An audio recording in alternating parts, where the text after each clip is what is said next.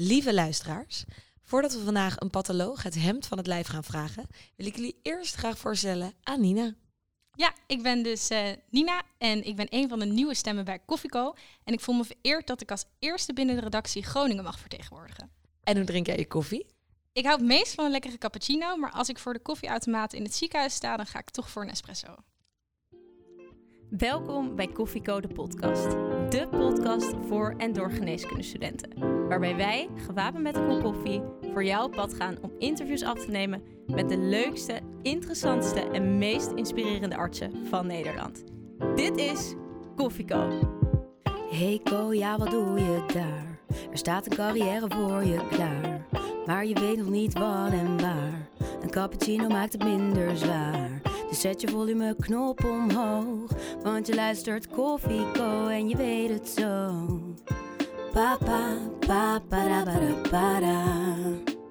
Leuk dat jij weer luistert naar Koffieco, de podcast. Wij zijn Nina, en Eva en vandaag zit bij ons aan tafel dokter Janice Hodge, patholoog in het Isala ziekenhuis in Zwolle. Dr. Hodge, welkom. We voelen ons vereerd dat u helemaal vanuit Zwolle hierheen bent gekomen. En u bent de eerste patholoog die bij ons aan tafel schuift. Voordat we daar verder op ingaan, beginnen we met onze cruciale vraag. Namelijk, heeft een patholoog tijd voor een kopje koffie gedurende de dag? Zeker weten. Dat proberen we iedere dag eh, even een tijdje voor in te plannen. En hoe drinkt u deze koffie het liefst? Het liefst net zo bruin als ik ben. Dat is koffie met een beetje melk. Oké, oké, lekker. Heerlijk. En ja, de pathologie is een vak waar je als co-assistent heel veel over hoort, maar eigenlijk nooit een kijkje neemt. Heeft u wel eens co-assistenten bij u op de afdeling? Ja, die komen wel regelmatig langs, ja. En ehm, die komen vanuit hun, hè, eh, hun ja, co-stage. Nemen ze dan ehm, ja, een kijkje bij de pathologie een aantal weken.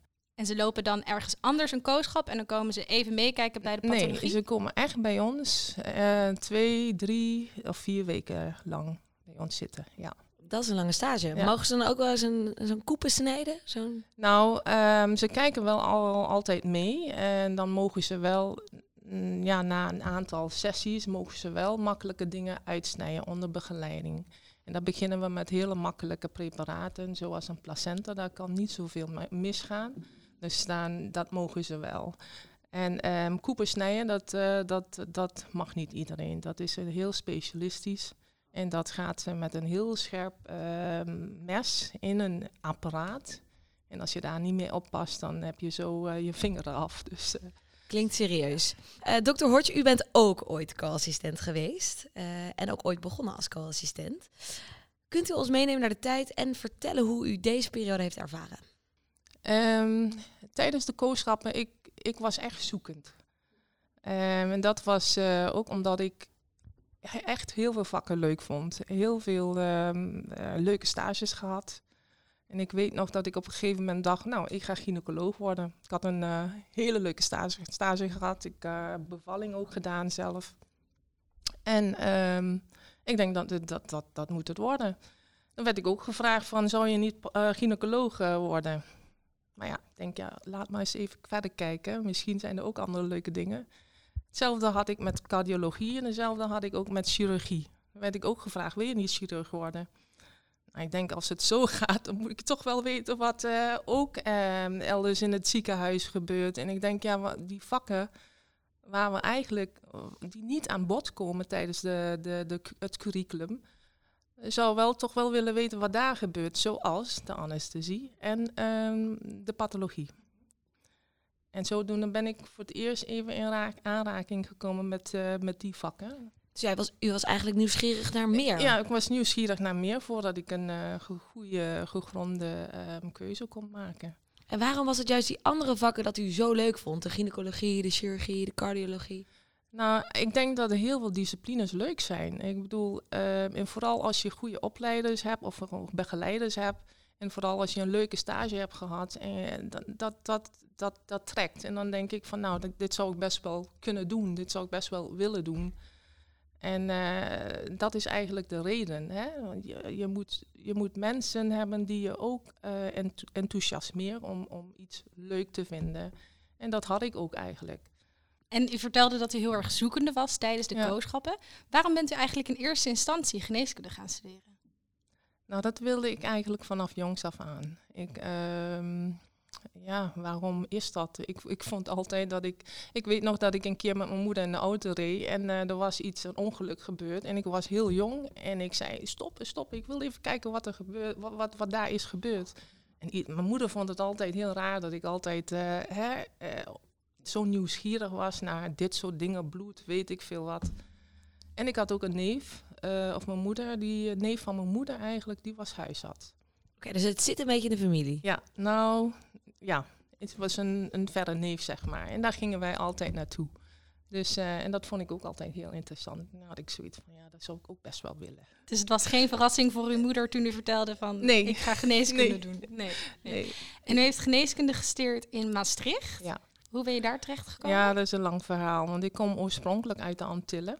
Ik kom, te- ik kom oorspronkelijk uit eh, Sint Maarten. En ehm, na de middelbare school daar moet je gewoon naar eh, Nederland komen of naar Amerika gaan om verder te studeren. Want dat is daar niet mogelijk. Dat is daar niet mogelijk. Ehm, dus toen eh, dacht ik, ja, Nederland, ik ga naar Nederland. Want mijn, mijn middelbare school en lagere school was grotendeels in het Nederlands. En ehm, nou, ik kwam hier, ik heb daar ehm, de HAVO gedaan. En toen moest ik hier VWO doen, twee jaar. En daarna ben ik medicijnen gaan studeren. Maar ja, na de VWO, toen dacht ik op een gegeven moment, ja, ik wil eigenlijk eh, toch terug naar mijn eiland. Ik had heel veel heimwee. Toen heb ik ook eh, toch bedacht, ja, ik ga toch wel in de zorg, maar toch geen medicijnen doen, want dat duurt me allemaal te lang.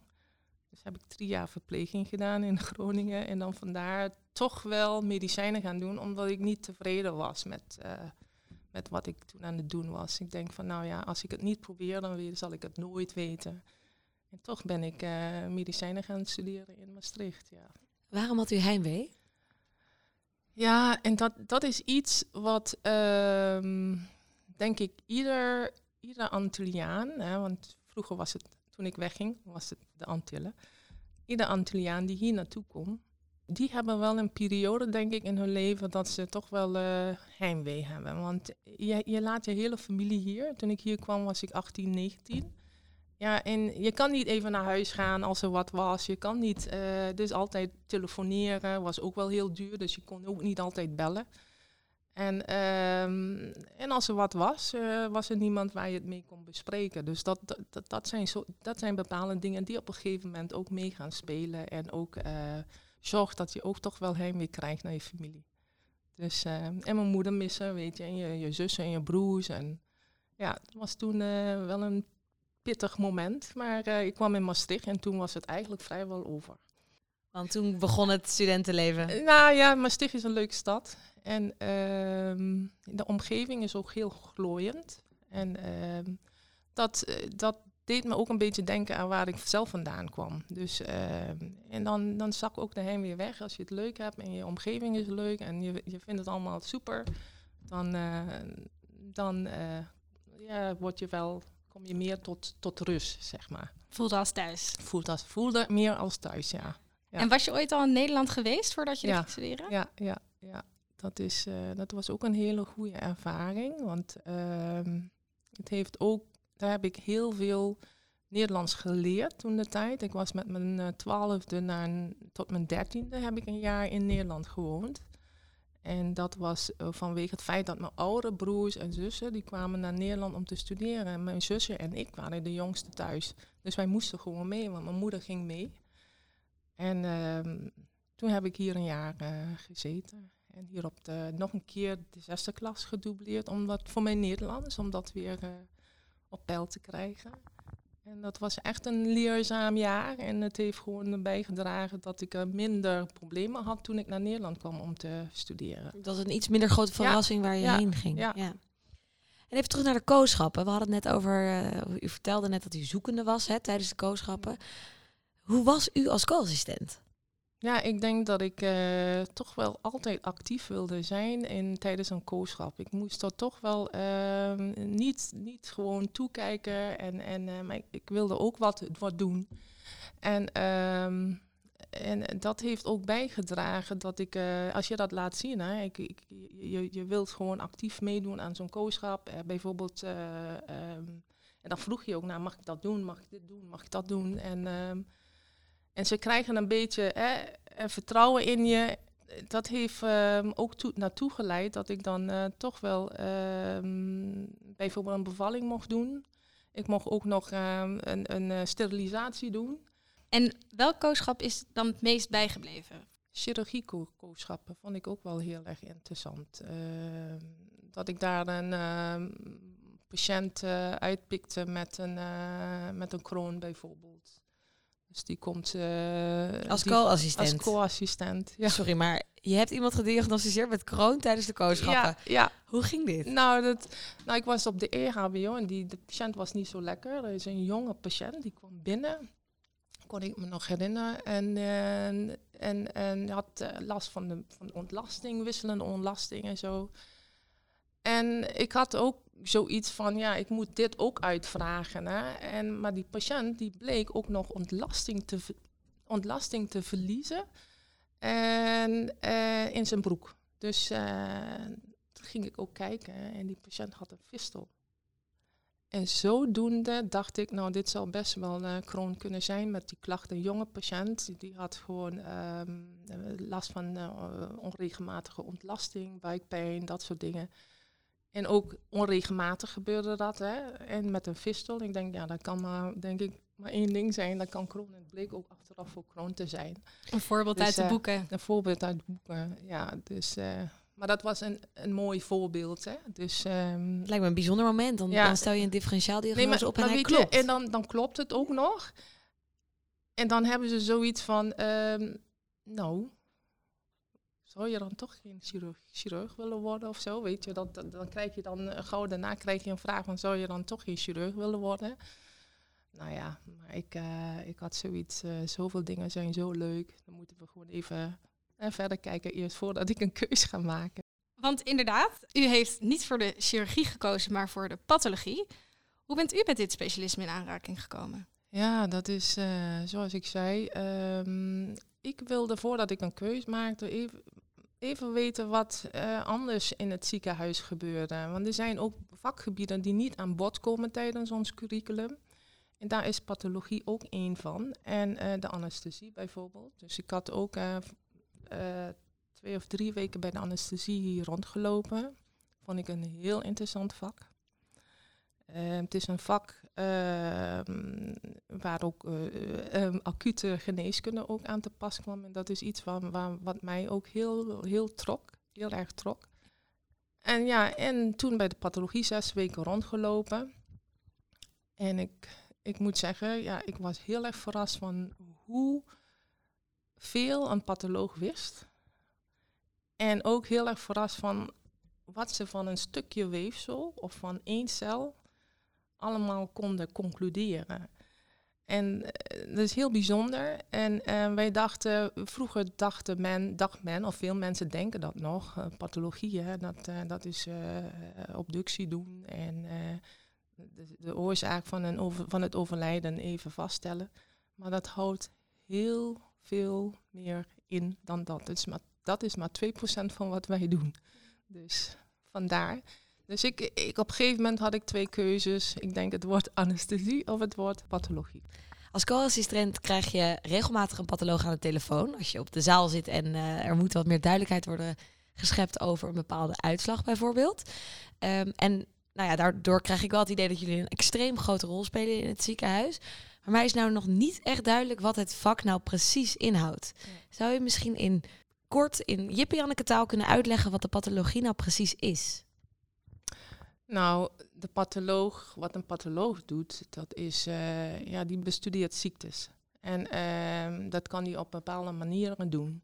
Dat kan hij door weefsel te bestuderen of door uh, lichaamsvochten te bestuderen, dus de cellen even te bestuderen.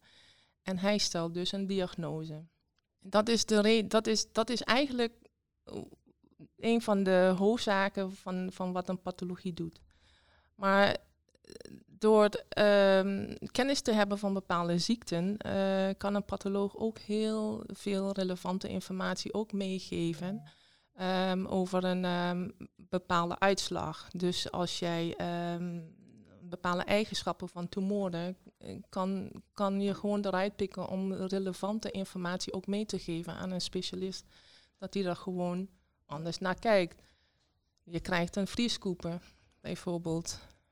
En je van een ovarium. Ik neem, ik, ik, ik zeg maar wat, een vlieskoeper van een ovarium. En daar zit een mucineuze tumor in. Dan kan je ook uh, um, bedenken dat hè, mucineuze tumor, dat kan ook een metastase zijn van een, andere, uh, een ander orgaan. Die dan ook een mucineuze tumor kan produceren. En de appendix is daar eentje van. Dus ja, geef je ook door, dan vergeet niet uh, de appendix ook in te leveren. Want het kan een metastase zijn. Dus dat soort dingen, weet je. En um, dat is eigenlijk wat een uh, pathologie doet. Pathologie, patholoog die, die bewaakt ook hè, van uh, alle processen. Als hij dat kan bewaken, dan doet hij dat ook. Een cruciale rol binnen Ja. het ziekenhuis, Ja. dus echt. Ja. Ja. Nou, voordat we wat dieper ingaan op uw werk als patholoog en we eindelijk meer te weten gaan komen over wat het nou echt allemaal inhoudt, willen we u vragen om de artsen in spe te overtuigen waarom zij voor de pathologie moeten kiezen. Ja, u moet er toch aan geloven. Eh, zou je dit willen pitchen in de specialistenpitch? De specialistenpitch. 30 seconden waarin jij de geneeskundestudenten ervan overtuigt om voor jouw specialisme te kiezen. Pathologie is een veelzijdig, uitdagend en daardoor boeiend vak. De patholoog moet wat weten van ziektes van de haar tot de ziektes van teennagels. En hierdoor heeft de patholoog of de pathologie veel raakvlakken met de verschillende of de meeste disciplines in de zorg. Dit maakt de pa- pathologie erg dynamisch. De patholoog is onmisbaar, want hij stelt vaak de diagnose van de ziekte, neemt deel aan patiëntenbesprekingen, brengt daar relevante informatie naast de diagnose in, zodat het team tot een goede behandelplan kan komen voor een patiënt. Het vak is op het moment flink in beweging gezien de ontwikkeling met betrekking tot moleculaire diagnostiek en digitale pathologie. Dus daar gaan we binnenkort veel van horen. 30 seconden. Ja, nou, maakt niet uit. Eh, heel veel informatie waar we zo meteen ook zeker nog verder op in zullen gaan. Maar je zegt inderdaad van haren tot tenen, alles komt aan bod. Eh, weet je dan ook echt over elk orgaan in het menselijk lichaam, weet je dan evenveel? Nee, nee. Dat ehm, eh, wij tijdens de opleiding krijg je eigenlijk een klein beetje eigenlijk van, van alle organen wat te weten. En sommige organen meer dan andere organen. Dus ehm, en je moet voorstellen dat je dat allemaal niet kan bijhouden. Alle nieuwe inzichten, dat kan je eh, onmogelijk als patholoog allemaal bijhouden. Dus wij hebben nu de, ook ervoor gekozen op onze afdeling om eh, eh, subspecialisaties in te voeren. Dus dat eh, bepaalde pathologen gewoon zich bezighouden met ehm, bepaalde ziektes. En ehm, dus we hebben gewoon pathologen die, die, die, die verschillende dingen doen. En dat, dat vormt een mooi geheel, zeg maar. Ja. Dus, En jij werkt in het Isala ziekenhuis hè, in Zwolle. Is dat een groot ziekenhuis? Best wel een groot ziekenhuis, een groot perifeer ziekenhuis. Ja. Zou je ons eens en onze luisteraars kunnen vertellen hoe een werkweek eruit ziet van een patholoog in het Isala ziekenhuis? Wij doen ehm, eigenlijk we worden, wij hebben 14 pathologen bijvoorbeeld en wij worden allemaal ingedeeld voor eh, verschillende taken. En dat kan variëren tot onderwijs, hè, want eh, we hebben ook co-assistenten ook op de afdeling die we ook moeten begeleiden. Maar ehm, de diagnostiek, dat, eh, dat is een grote, ehm, een, grote taak van een patholoog. En dat begint vaak bij de weefsels die binnenkomen. Die worden dan gewoon, als, eh, als ik daarvoor ingedeeld ben op een bepaalde dag, dan begin ik met uitsnijden. Dus alle weefsels die gewoon binnenkomen op een, eh, op een dag of de dag daarvoor. Want ze komen de dag ervoor binnen, ze worden verwerkt en worden op sterk water gezet. Vervolgens gaat de patholoog de dag daarna daarnaar kijken. Die ehm, haalt de stukken uit, die beschrijft wat jij ziet. En hij haalt de relevante stukken uit die belangrijk is voor het, om de diagnose te stellen. Dat wordt dan verder verwerkt en komt de volgende dag op een glaasje uit. Dus dat is één ding wat we doen. De volgende. Dan bent u dus ingedeeld op het uitsnijden. Ja, als je ingedeeld wordt op uitsnijden. En, maar tussendoor kan er een obductie ook eh, voorkomen, of, of, of tussendoor komen. En als jij eh, dienst hebt eh, die week, dan doe je ook nog de obducties van, van de hele week. Dus, ehm, dus als iets er tussendoor komt, dan wip je ook even naar beneden om een obductie te doen. En is dat dan de obducties van mensen in de regio Zwolle? Of? Ja, me- obductie van mensen in de regio Zwolle, Meppel, Harderwijk doen wij ook. En Lelystad, ehm, dat is wel een ziekenhuis die, eh, waar wij gewoon ehm, de pathologie van doen, maar de obducties gaan dan naar eh, een ander ziekenhuis. Maar dus een obductie. En dan hebben wij ook nog ehm, puncties die wij ook nog tussendoor doen. En dat is vroeger veel meer geweest. En een punctie is eigenlijk een patiënt met een palpatoire tumor. Die komt naar de afdeling. Die worden vaak ingestuurd door de specialist die even eh, ehm, niet een echogeleider bij op wil nemen, maar als een iets, iets echt snel en toegankelijk is voor de patholoog, die halen, die halen daar wat cellen uit. En die bekijkt meteen eh, of het dan eh, celrijk genoeg is en zet dat in om toch een diagnose op te stellen als het verder verwerkt wordt. Dan, dat is één ding. Dus je hebt de obductie, je hebt de cytologie. Dan heb je ook nog patiëntenbesprekingen. Dus, eh, en dat is vaak oncologiepatiënten. Dus afhankelijk van je subspecialisatie word je ook ingedeeld voor een bepaalde patiëntenbespreking. Dus al die patiënten die op een bespreking staat, die moet je gewoon voorbereiden. En die ga je samen in een team eh, bespreken en dan ehm, eigenlijk je diagnose inbrengen. En ook, zoals ik zei, relevante informatie die, eh, die nodig is voor een goede behandelplan. En zo'n overleg is dan samen met andere specialisten in Het het is samen, er zit een radioloog bij, er zit de behandelend eh, arts bij, er zit ehm, de oncoloog bij, er zitten ook vaak ehm, eh, gespecialiseerde verpleegkundigen bij, een notulist zit erbij. Dus ja, het is een hele groep mensen die daar eh, soms ook afhankelijk van het ehm, zit ook wel eens een plastische chirurg bij, afhankelijk van wat voor discipline het is. En heb je het idee dat, dat je als patholoog serieus genomen wordt als je een voorstel doet over een bepaalde behandeling? Ja, ik denk het best wel, ja. Dat, eh, dat dat wel bij ons het geval is. Veel behandelingen komen ook eigenlijk vanuit de oncologie, van de oncoloog en ook van de chirurg. Hè, die, eh, maar wij kunnen ook informatie aanbieden. Die, bijvoorbeeld, ik had laatst ook een eh, patiënt die een lumpectomie uit de borst gehad met een tumor erin. De tumor groeide heel diffuus en het was niet totaal eh, verwijderd.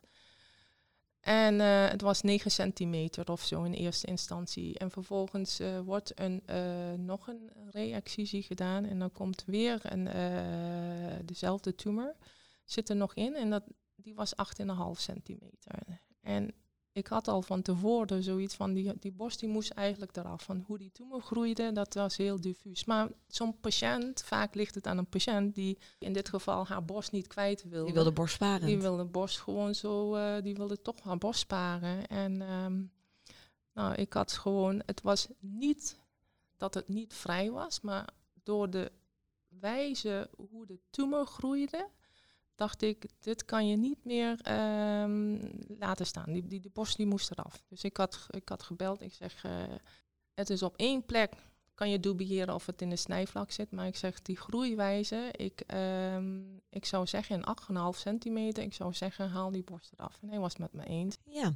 Wat vindt u het leukst van al deze werkzaamheden om te doen? Waar krijgt u het meeste energie van? Ik denk ehm, de diagnostiek, daar had ik er ook over. Dat wij eigenlijk het aanbod van diagnostiek wat uit het ziekenhuis komt, dat je als je een diagnose moet stellen en door de microscoop kijkt en eh, er gaat iedere keer een wereld voor je open van ehm, wat, wat je ziet en eh, hoe je het moet interpreteren. Dat puzzelen, dat, eh, dat, dat geeft me heel veel voldoening.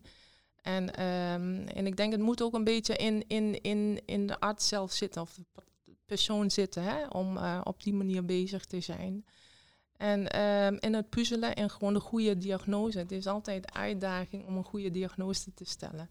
En, ehm, dat maakt het gewoon echt eh, best wel interessant. Dus, eh, en soms zijn er lastige dingen. En eh, soms is het echt puzzelen en nadenken van hoe gaan we dit dan oplossen? Wat is dit nou?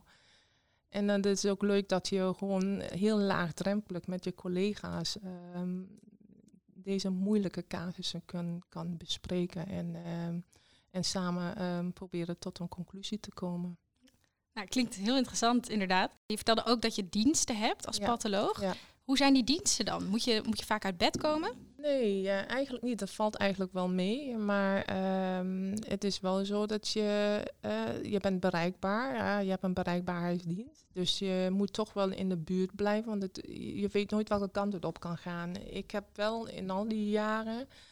ehm, ben ik eh, een paar keer opgeroepen s'avonds om toch ehm, te komen. Laatst had ik ook een telefoontje van... ehm, er komt misschien een vrieskoepen ik blijf toch altijd in de buurt van het ziekenhuis. Want ik, ik ben wel iemand die gewoon heel veel van dit soort dingen aantrekt. Dus Maar in al die jaren maar een paar keer opgeroepen. Dat klinkt ja, dit, niet is, als... dit eh, is, is niet zoveel. Maar je moet eh, vaak, vaak kan je telefonisch heel veel dingen afhandelen. Hoe vindt u de werkdruk als patholoog? Ja, dat kan toch wel best wel behoorlijk zijn. Eh, mensen denken, oh, de pathologie, hebt geen dienst. Maar we hebben toch wel heel veel... eh, we moeten heel veel werk verrichten overdag. Dus ehm, patiënten en, en andere artsen die willen zo snel mogelijk weten wat er aan de hand is. En ehm, vaak ook veel spoedjes ertussendoor van, eh, en vooral als een patiënt slecht gaat of wat dan ook, dan moet je dan gewoon zo snel mogelijk iets kunnen zeggen.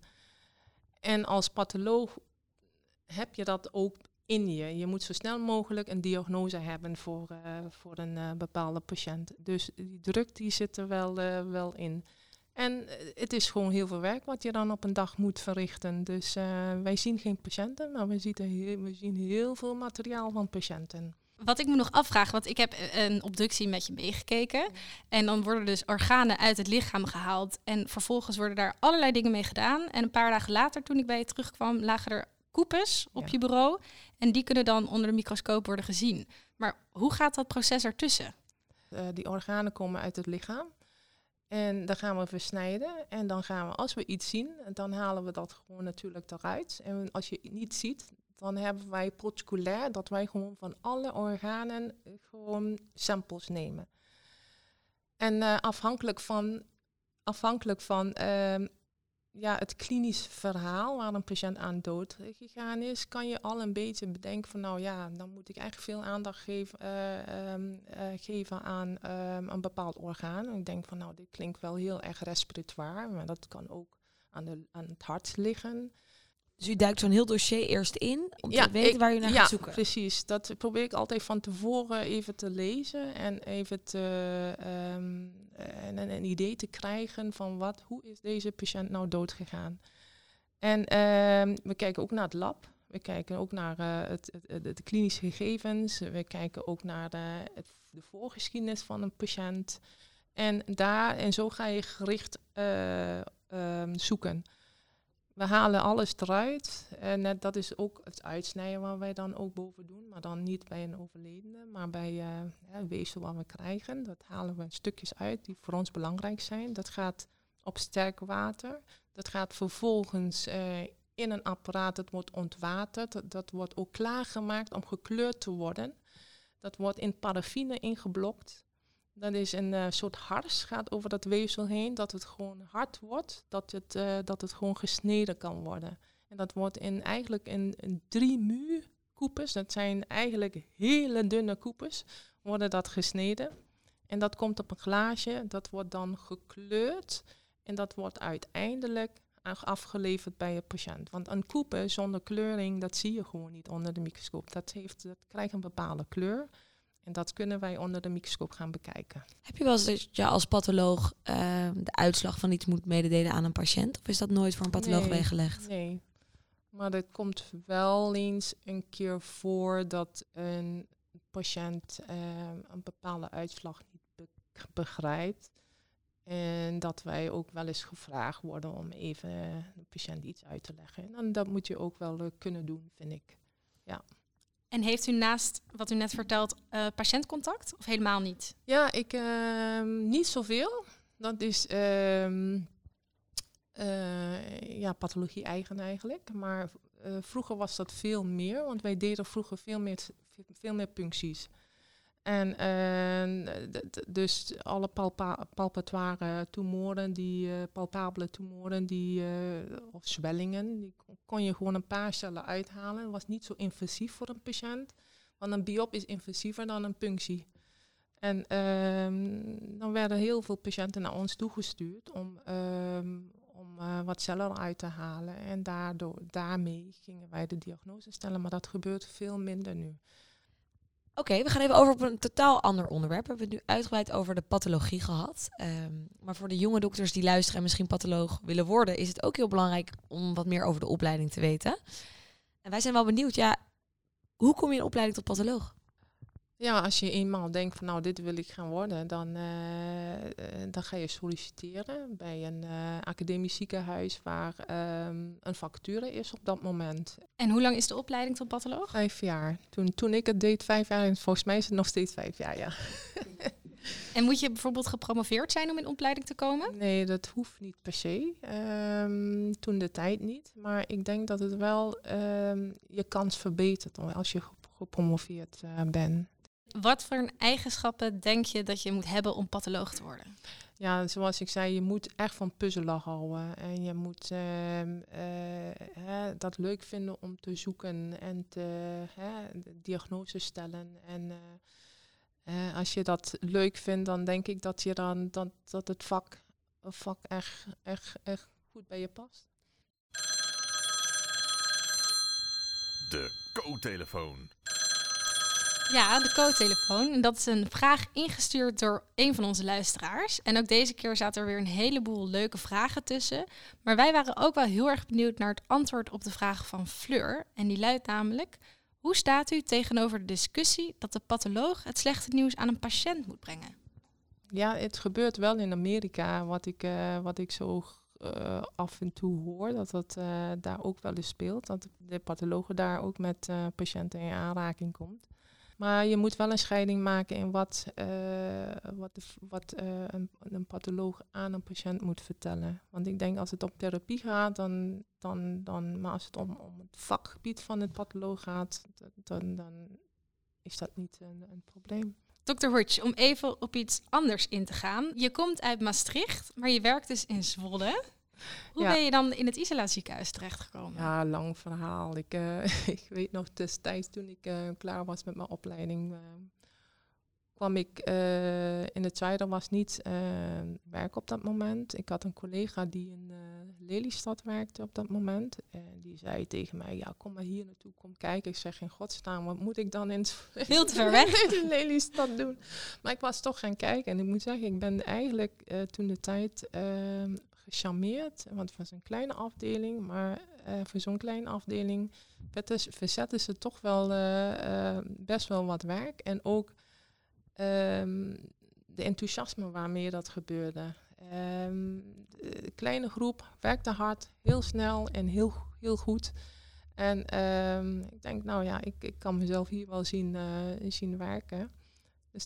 Ik denk, weet je, als ik op de manier kan werken zoals ik wil werken, dan, eh, dan, eh, dan, dan doen we dat. Dus ik verbleef door de week daar en ik ging gewoon in het weekend naar huis. Maar op een gegeven moment ehm, eh, van Lelystad kwam een vacature in, ehm, in Zwolle. Toen werden wij gevraagd of we niet in Zwolle wilden komen werken. En zodoende, ehm, nou, of wij geïnteresseerd waren om daar te werken, want er kwam een vacature. En zodoende zijn wij, eh, heb ik daar gesolliciteerd en dan ben ik ook daar terechtgekomen. Ook samen met die andere collega die, eh, die nu ook in Zwolle zit. Dus, eh, En woon je door de week nog steeds in Zwolle? ja, en, het einde van de week ga ik naar huis. En je hebt een familie, geloof ik. Ik Hoe is dat dan om zo ver van hun weg te zijn? Ja, op, mijn zoon die is eh, nu inmiddels eh 24, dus eh, nu gaat dat wel. Ehm, maar destijds, ik ben al heel lang eigenlijk in het noorden. En de reden waarom ik niet verhuisd was, want toen, ik, toen ik hier naartoe kwam, of eh in naar Zwolle toe ging, eh, in Lelystad, was mijn zoon eh 13 en eh, samen met zijn vader ehm, hebben wij de zorg voor mijn zoon. Dus als ik hier was, was hij bij zijn zoon en eh, was mijn zoon bij hem. En als ik thuis was, was mijn zoon bij mij. En ik had het zo ingericht dat ik hè, in twee weken tien dagen eh, thuis was, of in twee weken, nou in een maand tien dagen thuis was, eh, zeg maar. En, en twee weken tien dagen thuis. Maar mijn zoon is dus nu 23, dus ik kan eigenlijk wel gaan verhuizen, maar dat zullen we dan wel zien. Ja, nou, klinkt goed. Het is tijd voor het doktersdilemma. Eh, we gaan u een paar stellingen voorleggen en u moet zo snel mogelijk kiezen. Bent u er klaar voor? Het doktersdilemma. Het leven bestaat soms uit lastige keuzes. Denk niet te lang na en geef snel antwoord. Zwolle of Maastricht? Moeilijk, Maastricht. Pathologieverslagen typen of inspreken? Inspreken. Micro- of macroniveau? Micro. Biopsie of punctie? Biopsie. Altijd heel vroeg in het ziekenhuis aanwezig zijn of pas laat naar huis? Laat naar huis. Individueel of samenwerken? Samenwerken. Macrofaag of mestcel? Messel. Zorgvuldig of chaotisch? Allebei. Allebei, zorgvuldig en chaotisch? Ehm, ja, in de pathologie moet je zorgvuldig zijn, maar het kan soms chaotisch zijn. En hoe uit uw chaotische aard zich bijvoorbeeld? Als het heel druk wordt, dan, eh, dan kan ik soms wel chaotisch zijn, ja. Nou, en ik ben bij jou op je kantoor geweest. Ja. En er staat dan een heel groot bureau. En er stonden allemaal koepels op tafel. En ik dacht zelf eigenlijk, hoe, hoe herken je alles nog van elkaar? Want alles lag op en door elkaar. Dus dat is misschien dan een beetje chaotisch. Eh, ik weet niet wat je toen daar bent tegengekomen. Maar eh, ik weet precies waar ik alles heb liggen en wat, eh, wat waar ligt. Ehm, maar voor een heleboel mensen die eh, dan bij mij binnenkomen, denken ze van ja, wat is hier dan ontploft? We zijn veel over je te weten gekomen als, als patholoog. Maar we zijn ook wel benieuwd, hoe ontspan je? Wat doe je in je vrije tijd? Ehm, in mijn vrije tijd, dat ehm rijd ik dan motor. Of ik, eh, ik heb een eh, leuk sociaal eh, leven eigenlijk. Dus dat, dat vind ik ook wel belangrijk om daar tijd aan te besteden. Ehm, en ik golf. Welke Zo- handicap heb je? 20 nu, maar ik, ik zag gewoon... Mooi. mijn, mijn, mijn, mijn doel is om een enkel handicap te hebben.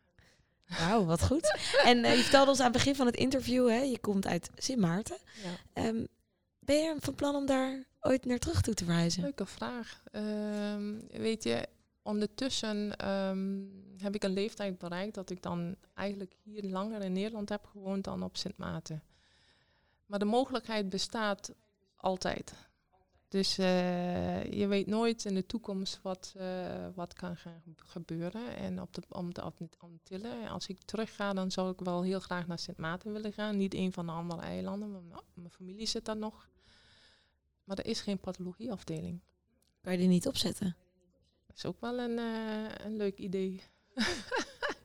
maar dat is denk ik nu dat ze een nieuwe ziekenhuis aan het bouwen zijn, dat dat eh, misschien wel. eh, Een paar microscopen hun- mee het vliegtuig ja, in. dat eh. is niet zo makkelijk als je denkt. Er Nee. komt heel veel bij kijken. maar wie weet. Gaat u ook wel eens op vakantie dan nog naar Sint Maarten of naar Ja. andere landen op de nou wereld? ja, goed. eh, Zolang mijn moeder nog leeft en eh, die, is, die leeft nog en die is eh, 88 op dit moment, probeer ik toch eh, mijn vakantie daar door te brengen. Ja. Mooi. Dus, eh, Ik zag eh, op uw profielfoto op WhatsApp dat er een kat op stond. Bent u een kattenmens? en een hondenmens. Beide. Ja, ik, eh, ik ben een kattenmens. Ik ben eigenlijk een dierenmens. Ehm, eh, maar eh, wij hebben altijd thuis dieren gehad. Ehm, honden, katten. We hadden ook schildpad. En het, waren landschildpad, zeeschildpad. En noem maar op. Papagaaien. Oh, wauw. Nederland Op Sint. Maarten is dit toch? Denk Ja, ik? ja, ja, ja, ja, ja. Hier in Nederland. dus, eh, dus kippen, eh, noem maar op. eh, van alles hadden wij eh, gedurende mijn hele leven. waren altijd eh, dieren bij ons. We eindigen onze interviews altijd met een laatste tip voor de toekomstige dokters. Wat vindt u belangrijk om onze luisteraars nog mee te geven?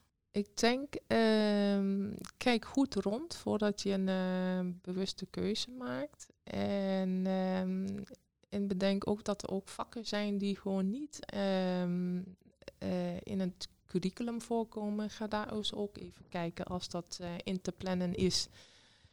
En eh, op basis van een, een, een, eh, eh, een goede kijk of in de keuken van alle disciplines, zoveel mogelijk, kan je gewoon een goede bewuste keuze maken.